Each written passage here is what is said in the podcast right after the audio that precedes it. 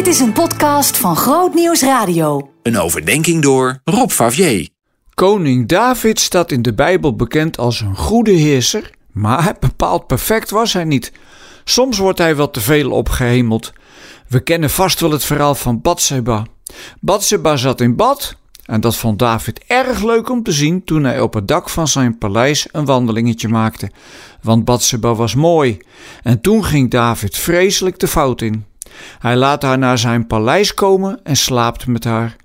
Uitgerekend van die ene keer raakt ze zwanger. En dan heeft David dus een probleem. Om zijn gezicht te redden geeft hij haar man Uria vrij af, zodat het lijkt alsof het kind van hem is. Maar Uria is een zeer trouwe soldaat en op geen enkele manier lukt het David om hem naar huis te krijgen. En dan schrijft hij de volgende woorden aan zijn generaal. Stel Uria op waar het hevigste wordt gevochten en geef hem geen rugdekking, opdat hij wordt getroffen en sneuvelt. Dit is een zeer achterbakse streek van David om zijn fouten te verdoezelen. Hij heeft er zelfs een mensenleven voor over als zijn eer maar niet in gevaar komt. Terwijl Uria de koning juist heel erg trouw was.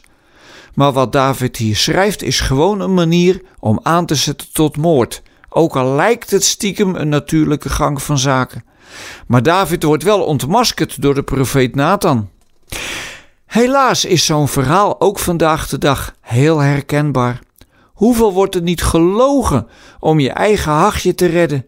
En als je het in het groot bekijkt, kun je je afvragen hoeveel mensenlevens een dictator ervoor over heeft om zijn positie en zogenaamde eer te redden. Voor meneer Poetin tellen een paar mensenlevens meer of minder niet. Er schijnen al tegen de 200.000 Russische soldaten gesneuveld te zijn. En aan Oekraïnse kant zo'n 120.000. Maar dat zijn allemaal schattingen, want officiële cijfers worden niet bekendgemaakt. Onvoorstelbaar. Maar hoe zit het dan in het klein? In ons eigen leventje? Hoe vaak wringen we onszelf in allerlei bochten om onder de schuld uit te komen? Schuld erkennen schijnt een van de moeilijkste zaken te zijn. Om er ruiterlijk voor uit te komen dat je het fout hebt gedaan. Een mooie uitdaging voor als je christen bent. Christenen zijn schuldig aan veel zaken. We hebben op een vreselijke manier het Joodse volk vervolgd. We hebben van harte meegewerkt aan de praktijken van de slavernij en hebben niet de naam dat we zo bezorgd zijn over de aarde.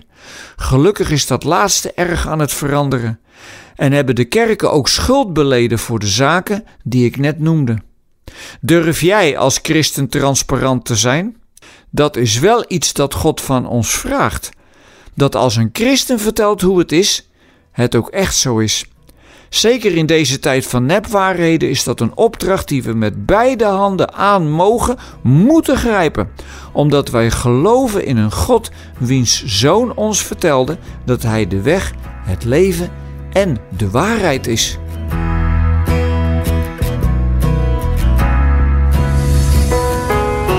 Meer verdieping? grootnieuwsradio.nl/podcast